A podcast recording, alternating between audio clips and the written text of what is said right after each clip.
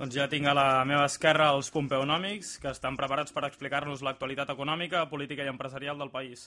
Avui ens acompanya en Bernat Mallent. Bona tarda. Com estàs? Molt bé, aquí. Sí? A punt d'explicar-ho tot. Molt bé. Ell, el Bernat, és l'editor de la pàgina web pompeonomics.com. Sí, que és un blog d'economia, empresa i política, i ja ens ocuparem doncs, d'omplir i d'intentar informar-vos sobre economia en aquesta secció d'aquí de Calaix de Sastre. I bé, avui he vingut, Adrià, doncs, parlant d'un tema de, de força actualitat, que és el de les vagues de transports. Ui. I sí, sí, aquí la gent ja doncs, li bull la sang. Tenint en compte, sobretot, el cas de, del dimecres 31 d'octubre, que va haver una vaga de Renfe i de Metro, mm. um, que va ser tal la vaga que diria que no es van complir els serveis mínims i, de fet, la Generalitat um, vol aplicar una sanció a Renfe. Bé, aquest és un tema que no és puntual d'aquest 31 d'octubre, com molts sabran. Tenim el cas del World Mobile Congress, que també es va amenaçar una vegada de metro. Sí. També hi tenim, eh, com m'han comentat amics meus que agafen rodalies, eh, vagues encobertes, és a dir, que no són oficials, però realment és flagrant que hi ha vagues. I sobre això, evidentment, doncs, tenim diverses opinions al carrer, gent que diu, ostres, doncs, tenen tot el dret a fer vagues, evident, i d'altres que diu, home, això és un cos social, hi ha molta gent que no pot anar a treballar o que doncs, arriba tard a la feina i aquí és més complicat el tema que una vaga normal i avui jo no em dedicaré a fer un judici moral ni, ni si tenen raó o no pel fet de fer la vaga perquè això per desconeixença segurament diria un disbarat i tampoc vull entrar en el tema mm. ètic mm. simplement a analitzar una mica el fet de, de la vaga de transport si és realment equiparable i, i, i tan lícita com una altra vaga. I per això doncs, cal anar a veure que, quina difer diferència hi ha entre una vaga de transports i una vaga doncs, com podria ser la que té una empresa dels seus treballadors, sí. que els hi volen fer un ERE o el que sigui i fan una vaga.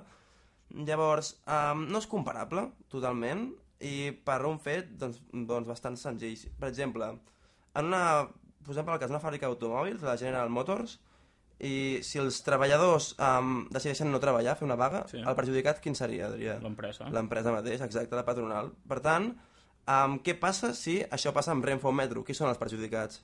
La societat. Exactament. Per tant, a partir d'aquí ja hi ha una diferència clara que uh, en el primer cas el perjudicat és a qui se li vol exercir pressió, sí. al segon cas evidentment a la societat no, no se li ha d'exercir pressió perquè no, no és qui decideix en aquests moments serà com hem comentat abans en la veu no, eh, doncs hem comentat que seria el Lluís Recoder, per exemple, de mobilitat a qui sí. se li hauria de fer pressió i aquest probablement doncs... No, jo no crec que li afectés massa aquesta vaga. Exactament. No sabem si agafar el transport públic, però segurament no. Em sembla que per anar de Sant Cugat a Barcelona els ferrocarrils no, no els agafava no els agafava pas. No, no. Llavors, um, i això doncs, es deu doncs, per l'essència mateixa del metro i, de, i del Renfe, que és un monopoli estatal perquè fa el transport. És un monopoli perquè si no hi ha rodalies, la gent no, no hi ha una, una altra opció que no sigui transport privat, taxi o bus, que per capacitat no poden aguantar tota, tota la demanda que deixa d'agafar la Renfe. Per tant, podríem dir clarament que té un monopoli, és a dir, que no hi ha altres opcions. I llavors, a part d'aquest fet de monopoli, és, és estatal, és, bueno, o municipal o de la Generalitat, però és de l'administració. I per tant, aquí tenim mm, els perjudicats, que són els usuaris, però de dues maneres. Una, perquè, com hem dit, no, no poden agafar una altra perquè no hi ha prou substitutius, i d'altra, el fet de que sigui l'administració, ells estan pagant amb uns impostos aquest servei, perquè, com eh, vosaltres sabreu, eh, oients, el, quan vosaltres comprar una T10 o un viatge de Rodalies no esteu cobrint tot el cost. És una part, evidentment, sí. perquè qui, qui l'usa té el seu sentit que pagui més, no? Però l'estem pagant igualment amb impostos. Per tant, per què ells perquè no deixarem de, de pagar impostos pel fet de que no vagi aquest servei, sí, no? Per tant, clar, aquí és un tema ja més complicat. I llavors anem a, al kit de la qüestió. Amb una vaga perquè serveix, per fer pressió. Com hem dit abans, aquí no, és dir, el cost no va repartit a qui se li hauria de fer pressió, sinó a la societat, és un cost social. Per tant, aquí doncs, jo he volgut fer un recull d'altres mètodes que s'han utilitzat al llarg de la història per fer pressió, d'acord? A, a qui, doncs, a qui, bueno, als obrers, doncs, a qui fos, normalment a l'empresari, no? Per veure que la vaga és un mitjà, mm. no és una finalitat en si, és a dir, hi ha altres maneres. Per exemple, al segle XIX, um, quan va començar la revolució industrial, hi havia una cosa que feia el ludisme, que era que simplement el que feien era doncs, destrossar les màquines, sí. per exemple.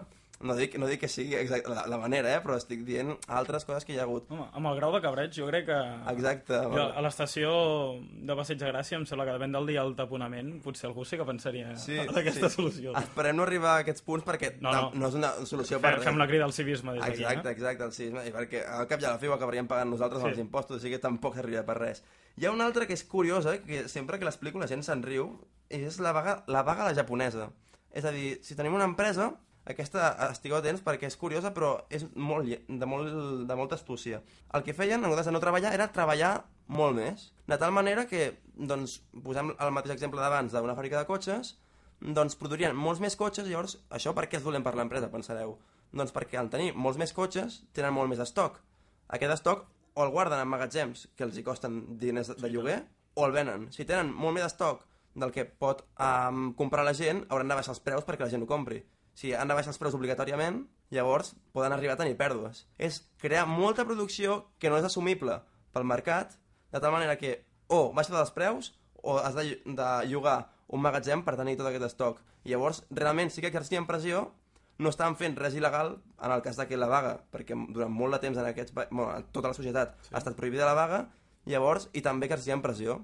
Jo crec que als usuaris els agradaria, no?, aquesta vaga. Sí, i... Trens cada dos minuts. Exacte, i de, de fet, mm, ah, clar, aquesta potser no depèn molts d'ells perquè també hi ha, els, hi ha els trens que hi ha, però a mi, jo parlant amb la gent, vaig pensar, clar, jo estic aquí una mica criticant amb arguments econòmics, perquè té tot el sentit, Sí. això, però no estic dient cap alternativa de com poden defensar els seus drets. Llavors, eh, aquí mm, vaig sentir, bueno, de fet va ser a través d'un comentari que vam fer al blog Pompeonòmic, és a dir, que està bé que hi hagi feedback entre els els lectors i que donin les seves idees perquè realment era molt interessant i va dir el que podríem fer és obrir portes perquè obrint portes no se'ls tira la societat en contra, que és el que està passant perquè molts estan sentint s'estan cagant, en perdó, en Renfe i en Metro No, no, per les ho- seves ho vagues. pots dir, ho pots dir. Ho pots dir perquè diria que el presentador també. I, I clar, d'aquesta manera no tires la societat en contra i realment estàs generant un cost per l'empresa, que és una empresa pública, però bé, no deixa de ser una empresa, i seria una altra manera, clar, evidentment, eh, després, doncs, parlant amb altra gent, em van dir que hi hauria problemes ja legals, perquè si la vaga és legal, això evidentment no podria ser i podrien acomiadar-los, Sí. però bé, fins a quin punt no estàs disposat a defensar els teus drets? És a dir, millor perdre un dia de sou que doncs, el sou en un dia, diuen. I llavors, aquí, clar, jo ja deixo doncs, volar la imaginació de la gent simplement tenint clara una cosa, que la vaga no és el, el, la finalitat, sinó que és un mitjà. I si en el cas dels transports no serveix aquest mitjà, doncs de donar- de donar-li el cop com, com van fer els japonesos. I aviam si així doncs, es pot diguem, donar un, un nou pas en, en la lluita de classes, que no, que no existeix, sinó en, a l'hora de pressionar, no?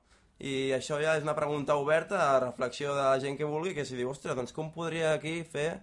Clar, estan les urnes, evidentment, però hi ha, hi ha altres mètodes, i aquí ho deixo doncs, perquè els oients puguin pensar sobre això i tinguin clar doncs, que aquí no he volgut fer cap judici moral, simplement veure que no és equiparable i que doncs, jo penso que s'hauria d'intentar fer d'una altra manera eh, la lluita pels drets. I els usuaris què hi tenen a dir? Una vaga d'usuaris? Una Com la podríem fer, per exemple? Això se n'ha fet al llarg de la història, a vegades d'usuaris, i bé, aquell problema um, és el mateix. Una vaga d'usuaris és molt complicada si no hi ha substitutius.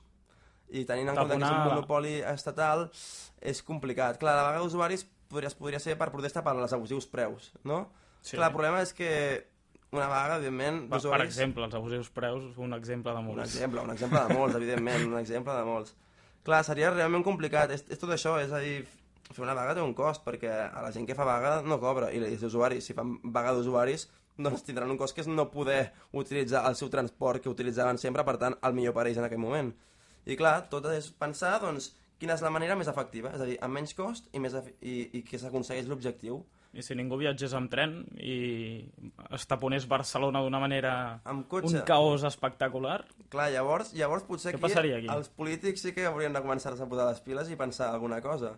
Però, Clar, perquè aquí sí que els tocaríem, perquè Clar. ells sí que anirien amb, amb el transport. però aquí hi ha un pro- privat. Exacte, però aquí hi ha un problema que és en, en aquest tipus d'accions col·lectives hi ha una cosa que es diu el free rider, que és, si tothom ho fa i tu no ho fas, és, mm, dir-ho clar i català, de puta mare, perquè s'està exercint la pressió i en canvi tu pots seguir fent la vida normal, no incorres en el cost i per tant aquest tipus d'accions col·lectives són molt, molt complicades a no sé que hi hagi un sindicat suficientment potent per organitzar-ho, és algo realment complicat per l'essència humana, saps? Perquè simplement l'incentiu a tu agafar el metro i que la gent doncs, lluiti pels teus drets, clar, aquí està. Llavors, queda aquí a l'aire i, i doncs jo deixo a, als oients que pensin sobre el tema. Perfecte. Doncs avui hem exposat les idees sobre aquesta vaga de transports. Sobretot, eh, entreu en el, en el blog pompeunamics.com, que està molt bé, i per persones que no en sabem massa d'economia ni, ni de política com jo, doncs mm, ho expliquen d'una manera molt entenedora i, i n'aprendrem tots una mica més. Doncs fins una altra, Adrià. Un plaer, Bernat. Ens veiem dimarts que ve. Adéu.